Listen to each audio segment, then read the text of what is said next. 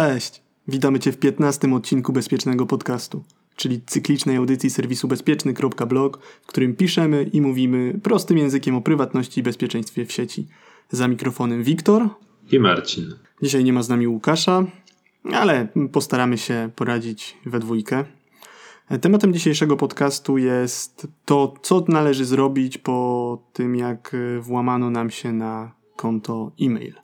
Zanim zaczniemy, chciałem powiedzieć, że w zeszłą środę, e, przed długim weekendem związanym z Bożym Ciałem, mieliśmy z Łukaszem przyjemność prowadzić webinar pod patronatem Confidence Class. E, z tego co się orientuję, ten webinar jest dostępny na stronie facebookowej profilu Confidence Class. Tematem e, naszego webinaru był internet, i to w jaki sposób on działa i co się w nim może, może zepsuć. Jeżeli macie wolną godzinę, to zapraszam do obejrzenia. Warto nadmienić, że webinar został bardzo ciepło przyjęty przez publiczność. Dobra, wracając do tematu. Kurczę, nie mogę uwierzyć, że to już 15 odcinek. To, to naprawdę nieźle. No, nieźle idzie. Co prawda mamy duże przerwy między odcinkami, ale... No tak jak patrzę na, na Techlow, to chłopaki mają naprawdę powera nagrywają trzy razy w tygodniu, to. Cztery. Cztery? Szacunek. No. Pozdrawiam. I mają zaraz setny odcinek. No właśnie, zastanawiam się, co to bomba będzie za setny odcinek. Dobra, e, Marcin, słuchaj, powiedz mi, czy, czy ty miałeś taki przypadek, że włamano ci się na pocztę lub twoim bliskim? Na szczęście mi się nikt nie włamał, aczkolwiek mojemu bliskiemu koledze ktoś się włamał na pocztę. Jedna z tych starych polskich poczt, że tak się wyrażę i niestety przejrzeli mu tam wszystkie maile i znaleźli maila z, tam z potwierdzeniem rejestracji do online'owego portfela kryptowalut. No i w związku z tym zresetowali mu konto i ukradli mu kryptowaluty warte tam kilkaset złotych. No to nie była taka duża strata jak kilkaset złotych. Ludzie potrafią tracić o wiele więcej. No ale zawsze, zawsze jest to strata.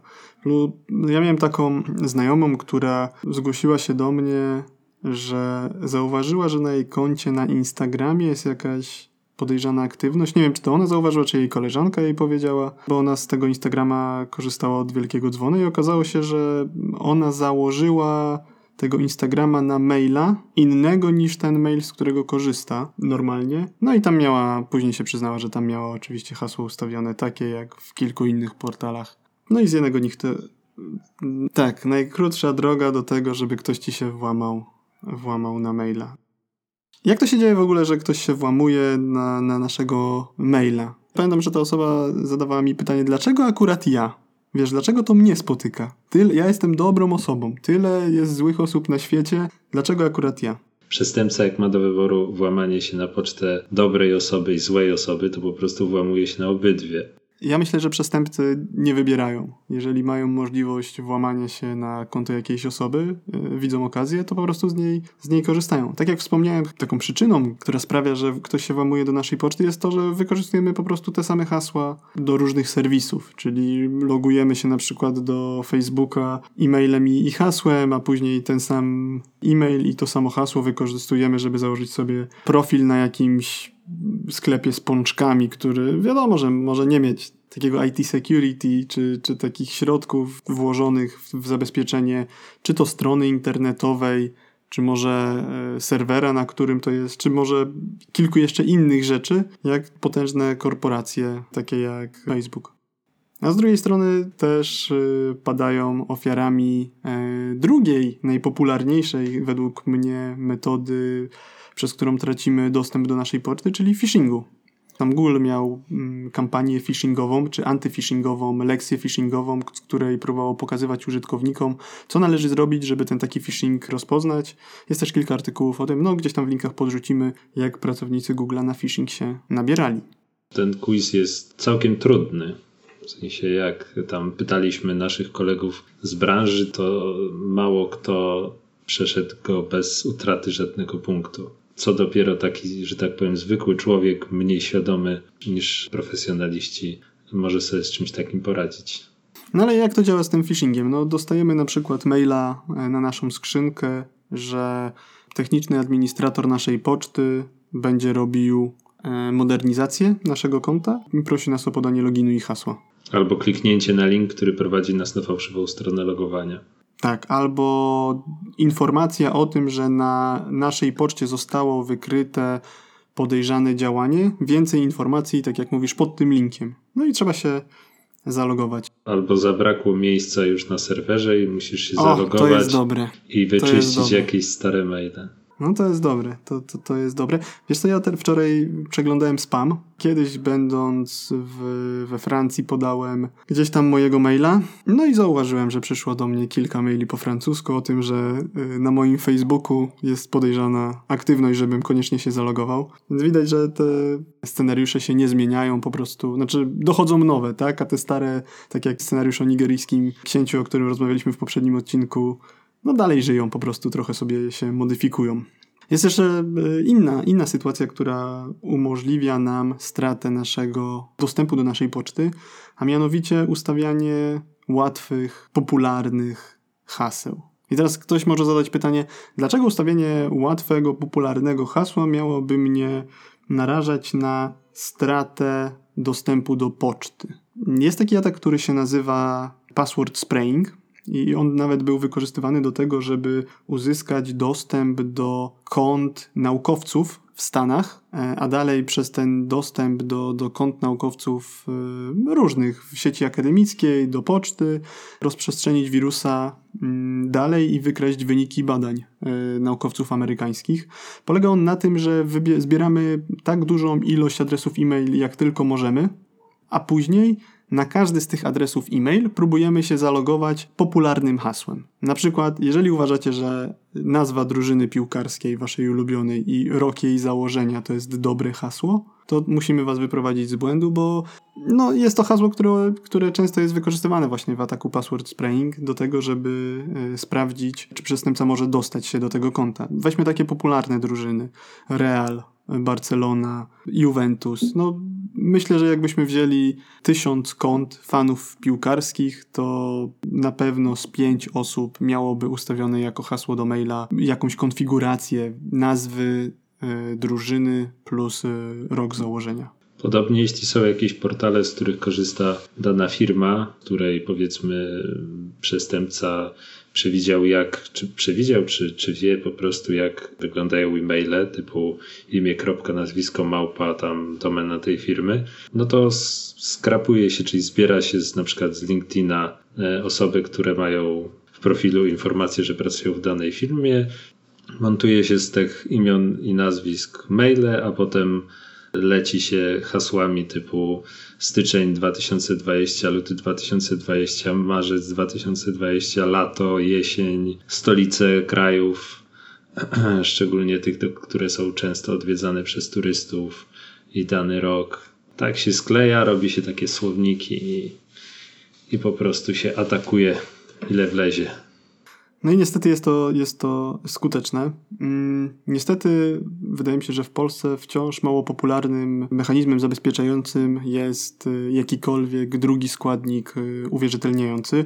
Drugi składnik, czyli coś innego niż hasło, co należy wpisać po to, żeby zalogować się do, do maila. Takim składnikiem może być na przykład SMS przypisywany przy logowaniu do poczty. To może być push na telefon.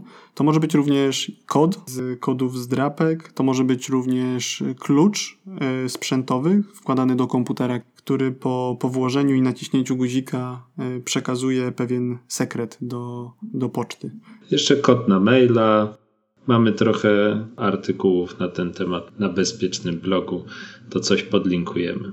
To jest niesamowite, bo jesteśmy przyzwyczajeni do tego, że najpierw wpisujemy login, później wpisujemy hasło i później wpisujemy coś. A Brave Browser ma w pewnym momencie ma taki schemat logowania, że najpierw wpisujesz e, adres e-mail. Na ten adres e-mail przychodzi ci link z tokenem jednorazowym. Jak klikasz na ten link, który zawiera w sobie token, to dopiero jesteś przekierowywany na stronę, na której prosicie o drugi składnik, czyli to jest tak jakby bezhasłowe, tak zwane bezhasłowe logowanie. W tym momencie ten atak y, password spraying nie, nie ma zastosowania. No też użytkownik nie może sobie ustawić popularnego hasła. Tutaj musimy zabez... Tutaj ważne jest, jak dobrze zabezpieczony ma dostęp użytkownik do, do swojej poczty. W ten sposób niektórzy zakładają sobie konta w różnych sklepach, nie zapisują sobie hasła i za każdym razem jak chcą się dostać do swojego konta na tym, w tym sklepie, to klikają, nie pamiętam hasła, przychodzi im link do resetu hasła na maila i znowu wstawiają sobie nowe hasło, którego nie zapisują. A widzisz, w ogóle ta, ta, ta metoda odzyskiwania hasła to też jest taki wytrych, dzięki któremu przestępcy mogą przejąć dostęp do skrzynki. No bo nie wiem, jak teraz bardzo jest to popularne, ale pamiętam, że kiedyś można było po prostu odpowiedzieć na kilka pytań bezpieczeństwa po to, żeby odzyskać dostęp do konta. I można było resetować w ten sposób, znając odpowiedzi na te pytania, hasła do, do tych kont. Wydaje mi się, że chyba ta, ta afera, czy ten wyciek y, zdjęć gwiazd z iCloudów właśnie był spowodowany tym, że można było sobie zresetować hasło na podstawie pytań bezpieczeństwa. Wydawało mi się, że był password spraying, ale no to to podlinkujemy coś. Dobra, a powiedz mi, Marcinie, co może się wydarzyć, gdy przestępcom uda się już dostać do naszego maila? Co, co jest takim mrożącym krew w żyłach niebezpieczeństwem? Większość z nas używa maila w najróżniejszych portalach, w związku z tym ilość danych osobowych, które można wyciągnąć z takiego maila, w sensie ze starych maili, które tam mamy przechowywane, no, no jest po prostu nie, praktycznie nieograniczona. Dużo osób uważa, ja tak kiedyś zresztą uważałem, że jestem bardzo bezpieczny, ponieważ jak otrzymuję jakiegoś maila, to kopiuję gdzieś informacje, na, które tam otrzymałem na swój komputer, typu tam, nie wiem, rachunek, cokolwiek, a potem kasuję tego maila. Dopiero potem się zorientowałem, że tak naprawdę to skrzynka z wysłanymi mailami, w sensie folder z wysłanymi mailami, to jest dopiero kopalnia. Nie wiem, czy ubezpieczasz swój samochód wysyłając mailem dokumenty, to tam na przykład mogą być dane Twojego samochodu, albo na przykład dane Twojego mieszkania, bo ubezpieczasz mieszkanie, albo wysyłasz no w ogóle no, cokolwiek, jakiś skan dokumentów. Wiesz co, tak sobie myślę właśnie o tym, co mówisz, i w kilku miejsc wysyłasz takie wrażliwe dokumenty, jak teraz na przykład zmieniałbyś pracę w czasie pandemii, to wysyłałbyś dokumenty do pracodawcy żeby cię zatrudnił, między innymi pewnie umowę, pewnie skan dokumentu, no kilka jeszcze rzeczy, e, na przykład potwierdzenie pracy e, u byłego pracodawcy, świadectwo pracy. Tak jak mówisz, ubezpieczenie mieszkania, ubezpieczenie samochodu. Z różnych historii wiadomo, że ludzie przesyłają sobie skany dowodów osobistych, prawa jazdy, świadectwa maturalne, mhm. różne, najróżniejsze rzeczy. Jak mam coś takiego wysłać, to oczywiście pakuję to w archiwum zip i, i szyfruję i wysyłam hasło SMS-em. Tylko, że najczęściej po drugiej stronie jest przysłowiowa pani Krysia, która no, nie bardzo rozumie o co chodzi i wszyscy inni klienci wysyłają jej to normalnie, więc nie wie dlaczego ja robię coś takiego dziwnego i potem mamy długą dyskusję. Raz mi się skończyło tak, że... Skasowali ci konto. Wyłączyli ci prąd. nie, osoba, to inna historia. E, osoba po drugiej stronie powiedziała, że ona tego nie umie otworzyć, nie umie tego zrobić, w związku z tym albo prześle jak normalny człowiek, albo żebym sobie szukał e, biznesu gdzie indziej. No więc poszedłem gdzie indziej. Warto powiedzieć przede wszystkim, nasze konto e-mailowe jest wykorzystywane do zakładania kont w innych serwisach. No bo jak zakładamy konto na, na Facebooku, czy zakładamy w konto e, na Spotify'u, to musimy najpierw podać mm, nasz adres e-mail i jeżeli zgubimy hasło, czy zapomnimy hasła do tego serwisu, no to zawsze możemy sobie przypomnieć to hasło przesyłając je na adres e-mail. Więc jeżeli przestępca dostanie się do naszej poczty, to ma dostęp do wszystkich serwisów, które zakładaliśmy właśnie na ten adres e-mail. Żeby przeszukać tak naprawdę, czy my założyliśmy na ten adres e-mail konta w najpopularniejszych serwisach, to jest no nie wiem, chwila, bo w wyszukiwarce poczty wprowadzi kilka nazw najpopularniejszych serwisów i już będzie widział, czy tak naprawdę takie, e, takie konto dla danego maila zostało stworzone. Poza tym możemy też korzystać na przykład z sklepów internetowych, do których podpinamy nasze karty. Jeżeli przestępca będzie mógł zresetować do takiego sklepu internetowego dostęp poprzez przypomnienie hasła, to mając dostęp do naszej poczty, resetując to hasło, logując się do tego sklepu, no będzie też miał dostęp do, czy możliwość tak naprawdę wykonania zakupów, bo nasza karta będzie podpięta w tym sklepie. Tutaj na pewno kilka osób powie, że trzeba pewnie przy każdej transakcji wpisać kod CVV czy CVC i że taki atak się nie uda. No otóż na popularnym Amazonie nie trzeba. Wystarczy, wystarczy kliknąć i są zakupy. Inne rzeczy, które mogą być, ja ostatnio na przykład odkryłem, że mój operator telefonu komórkowego wysyła mi z comiesięczną fakturą billing połączeń w Excelu.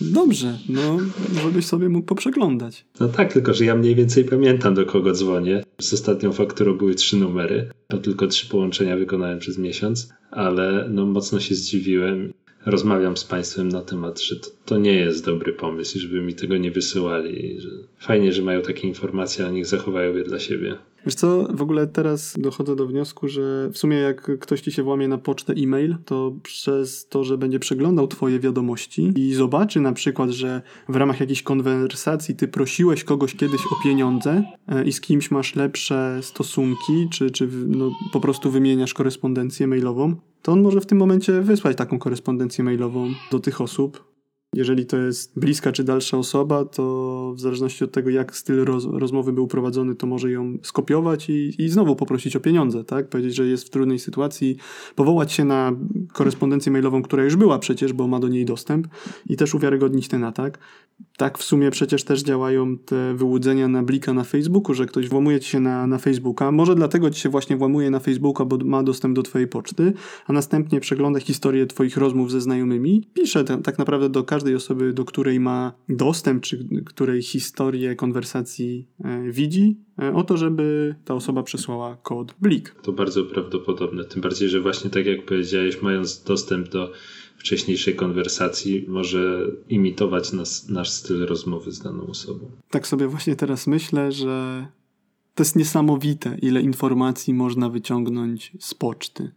No bo to zależy, gdzie masz pocztę oczywiście, ale no, jeżeli masz pocztę na, na Gmailu, to najprawdopodobniej korzystasz też z gmailowego kalenda kalendarza, czyli osoba, która ma dostęp do twojej poczty, to ma też dostęp do wszystkich usług gmailowych, z których korzystasz czyli kalendarz, to, to już powiedziałem, drive, czyli też pliki, które zapisujesz na, na dysku, a tam przecież mogą być zdjęcia, yy, mogą być twoje umowy, mogą być twoje prace różnego rodzaju. Historia twojej lokalizacji. Historia twojej lokalizacji, no, dokładnie. Mnóstwo tam może być rzeczy.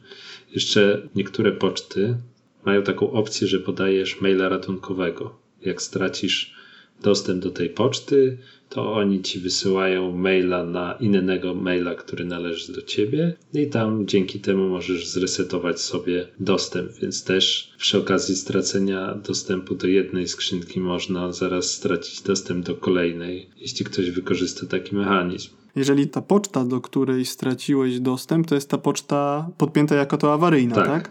tak. No, Znam osoby, które podpinają skrzynki swoich znajomych czy swoich rodziców, żeby być, jeżeli są na przykład takim jednoosobowym punktem IT w, w, rodzinie, no to jeżeli ta osoba straciłaby dostęp do poczty swojej, no to tak naprawdę jest duże prawdopodobieństwo, że straciłyby też, mogłyby też stracić dostęp inne osoby z rodziny czy, czy znajomi, którzy mm, mieli podpięty ten adres e-mail jako ten adres ratunkowy. I jeszcze trzeba pamiętać o tym, że jeśli ktoś przejmie naszą skrzynkę, to nasi znajomi, tak jak wspomniałeś, są zagrożeni ze względu na próby naciągactwa, ale też przestępca może z naszego maila wysyłać im po prostu phishing. Phishing albo, albo malware właśnie. Albo malware złośliwe oprogramowanie, no bo przecież nie musimy wpisywać naszych danych do logowania na jakichś stronach phishingowych, nie musimy przecież ustawiać tego samego hasła we wszystkich serwisach, żeby stracić dostęp do poczty. Jeżeli osoba zaufana wyśle nam jakiś plik, który okaże się być malwarem, czyli złośliwym oprogramowaniem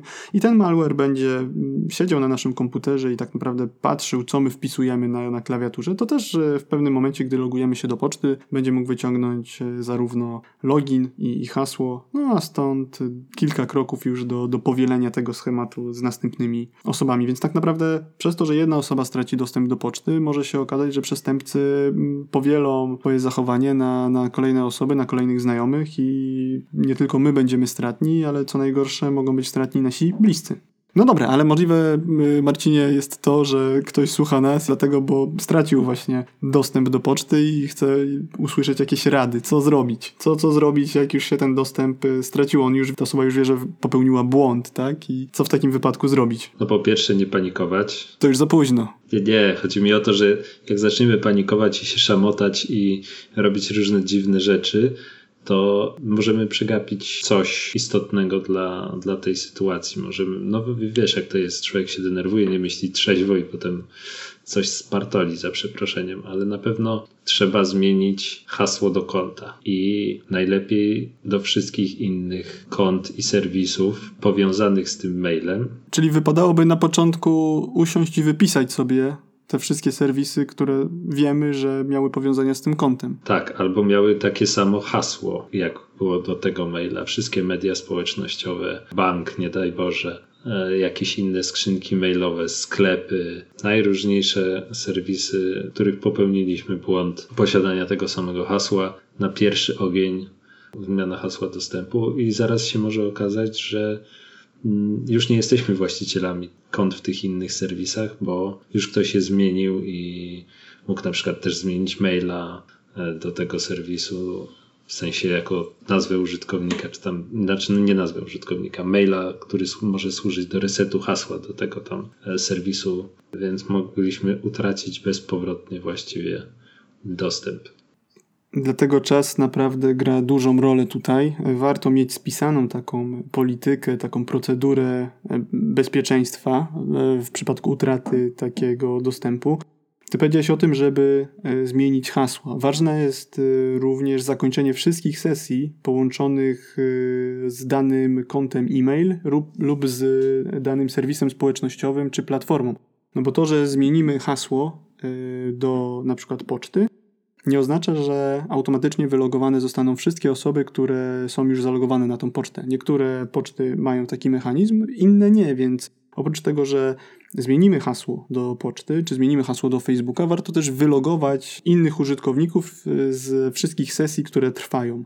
Niektóre aplikacje e, mobilne wykorzystują taki mechanizm, który mimo zmiany hasła nie powoduje wylogowania z tej aplikacji mobilnej. Co więcej, oprócz sprawdzenia, czy mamy te sesje, w których mogą być inne osoby czy przestępcy, warto też sprawdzić, czy nasza poczta nie jest dalej przekierowywana, no bo to może działać w ten sposób, że osoba włamuje się na naszą pocztę, a następnie po tym jak przejrzy ją, chce dalej utrzymywać korespondencję, którą my otrzymujemy, więc ustawia na naszej poczcie regułę, że wszystkie maile, które przechodzą, zostają na tej poczcie, a jednocześnie są wysyłane na, na jego pocztę, więc y, należy również sprawdzić przekierowania na serwery czy poczty przestępców i wyłączyć tą opcję, jeżeli ona jest. Jeżeli nie wiecie, jak to zrobić, kontaktujcie się ze znajomym, który może Wam pomóc po prostu, albo otwórzcie dokumentację dla, dla danego klienta pocztowego, prowajdera usług. Gmail ma doskonale opisane, jeżeli w Google wpiszecie, co zrobić, żeby sprawdzić, czy, czy takie przekierowanie jest.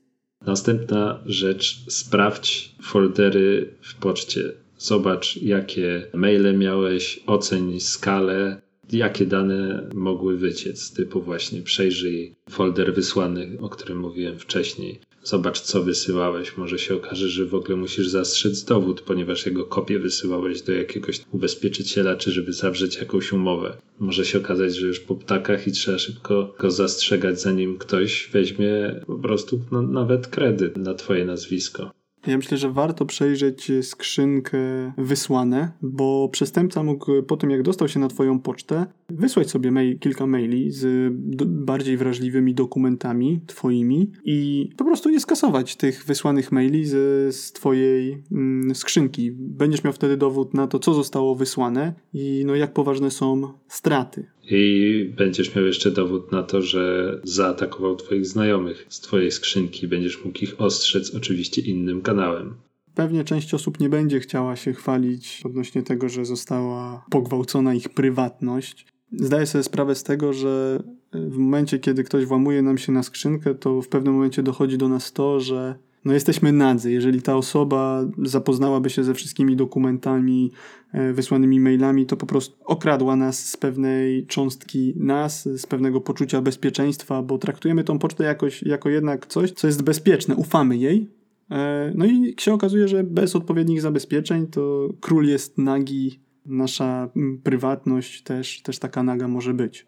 Ja osobiście uważam, że jeżeli włamano się wam na, na pocztę, poinformujcie waszych najbliższych o tym, że to się stało. Jeżeli nie mają włączonych odpowiednich zabezpieczeń, o których będziemy zaraz mówić, też edukujcie ich, by te zabezpieczenia, mechanizmy bezpieczeństwa włączyli, bo mogą y, te mechanizmy ustrzec ich przed takim, no, taką, takimi nieprzyjemnościami, jakie wy w, tych momen- w tym momencie y, przechodzicie.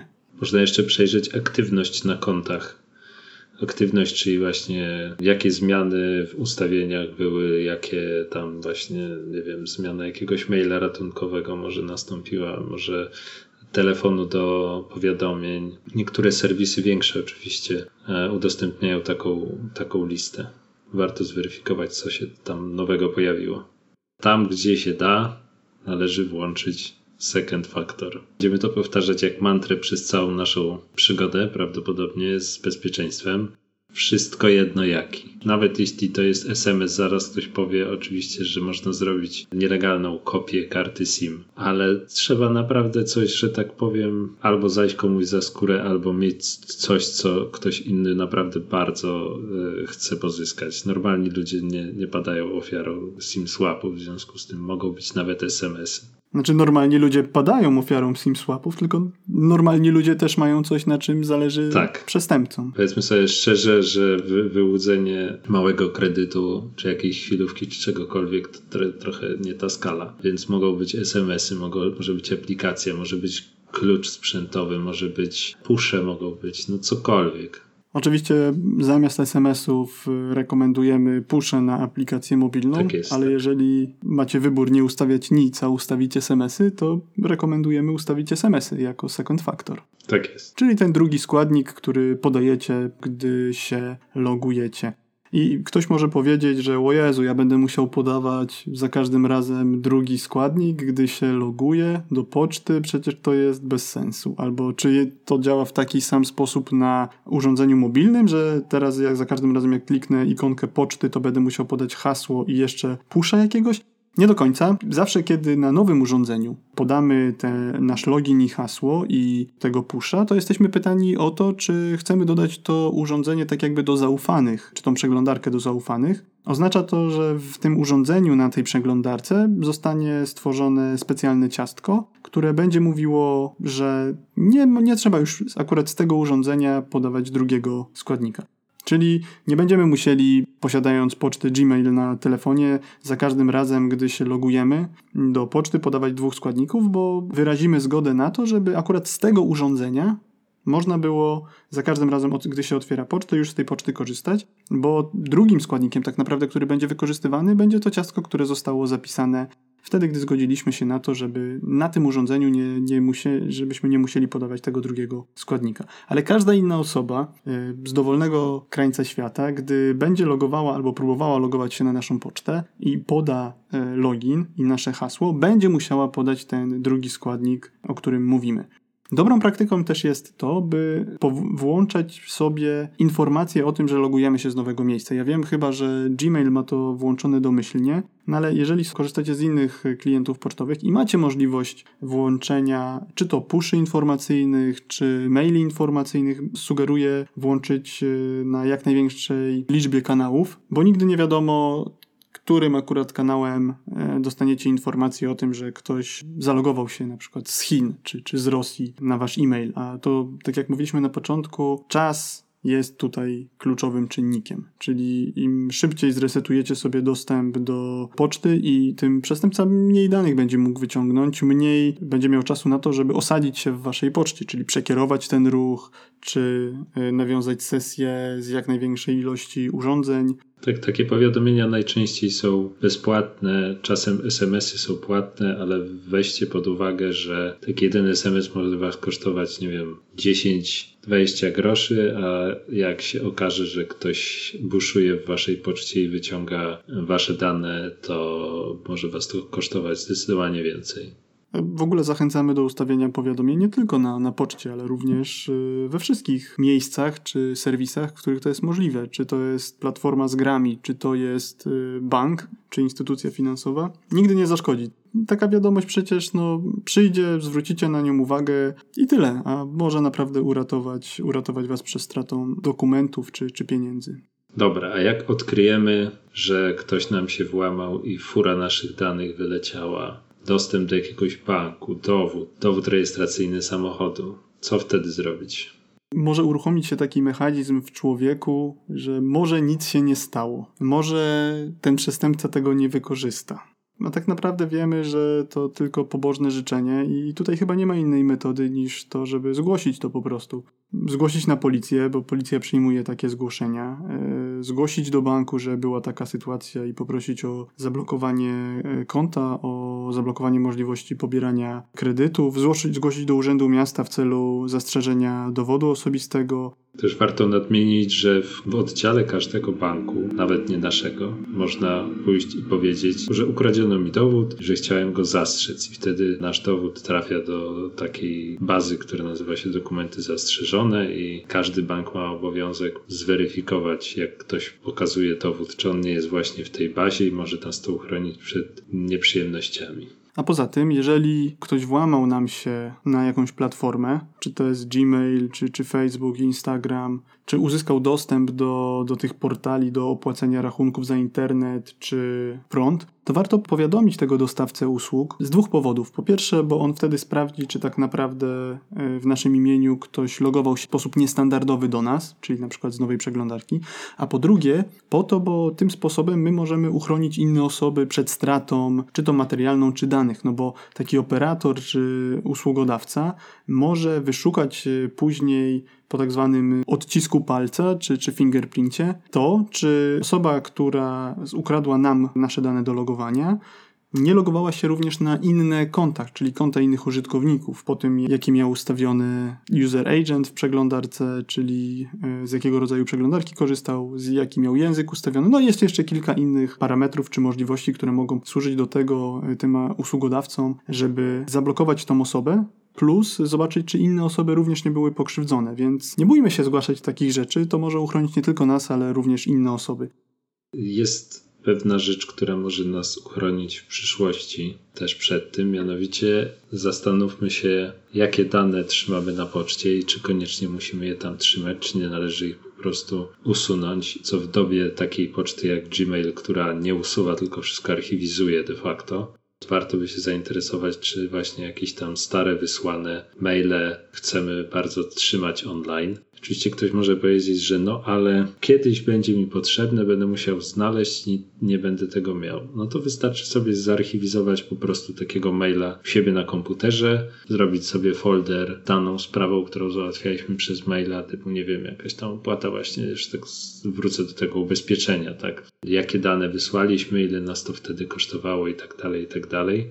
Po prostu sobie zachować taką korespondencję całą na komputerze, a nie trzymać tego na poczcie. Wiesz co, ja myślę, że może to być uciążliwe dla niektórych osób i taki mechanizm bezpieczeństwa, który jest dość skrajny. Dziękuję. Inny sposób wykonania tego samego jest wykorzystanie szyfrowania czyli czegoś, o czym ty mówiłeś, czyli jeżeli przesyłam jakiś skan dowodu, jeżeli przesyłam skan polisy czy czegoś, to zaszyfrować to i taki mail z zaszyfrowanym załącznikiem, który będzie mm, w naszym folderze wysłany, no nie przyda się przestępcy, bo nie będzie znał tego klucza, który jest wykorzystywany do szyfrowania tych załączników. Jak tej drugiej stronie, do której to wysyłamy, ktoś się włamie, czyli powiedzmy pani Krysi, to też nasze dane będą bezpieczne. Zakładając, że pani Krysia nie przepisała hasła z SMS-a do maila i nie wysłała ich razem z tym wszystkim.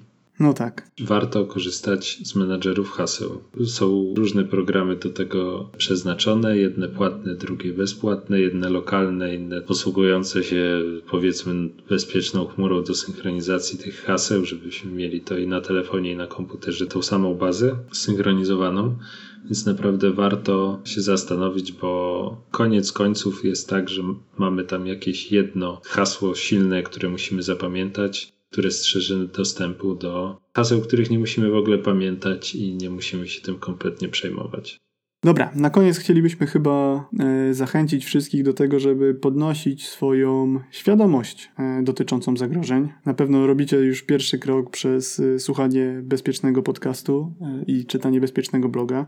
Warto orientować się czasem, czy właśnie takie duże serwisy nie udostępniają darmowych kursów online. Mamy kampanię rozpoznawania phishingu od Google'a. Banki też wyko- wykorzystywały różne platformy do tego, żeby edukować swoich klientów. Mieliśmy taką kampanię Phishing Stop od Alior Banku. PKO też miało e, walkę o cyberprzestrzeń. Dobrze mówię, Marcinie? Wiesz co, nie pamiętam szczerze mówiąc. Musisz podlinkować. Przejście tych y, gier czy tych kursów, które są interaktywne, nic nie kosztuje. Może odrobinę naszego czasu, 10-15 minut, a może uchronić nas i naszych bliskich przed stratą czy to danych, czy pieniędzy, czy po prostu dużej ilości nerwów, no bo tak jak mówiłem, po tym, gdy ktoś włamie się akurat do nas, na, czy to na konto na, na Facebooku, na Instagramie, czy, czy na maila, no tracimy pewność siebie, jesteśmy odarci z takiego poczucia bezpieczeństwa. Nagle się okazuje, że wszystkie dane o nas znajdują się w jednym miejscu na naszej poczcie i przez to, że nie zadbaliśmy o odpowiednie jej zabezpieczenie, możemy mieć konsekwencje do końca życia. To by było chyba na tyle. Dziękuję Ci, Marcinie. Dziękuję Ci, Wiktorze. Trzymajcie się wszyscy. Pozdrawiamy. Cześć. Cześć.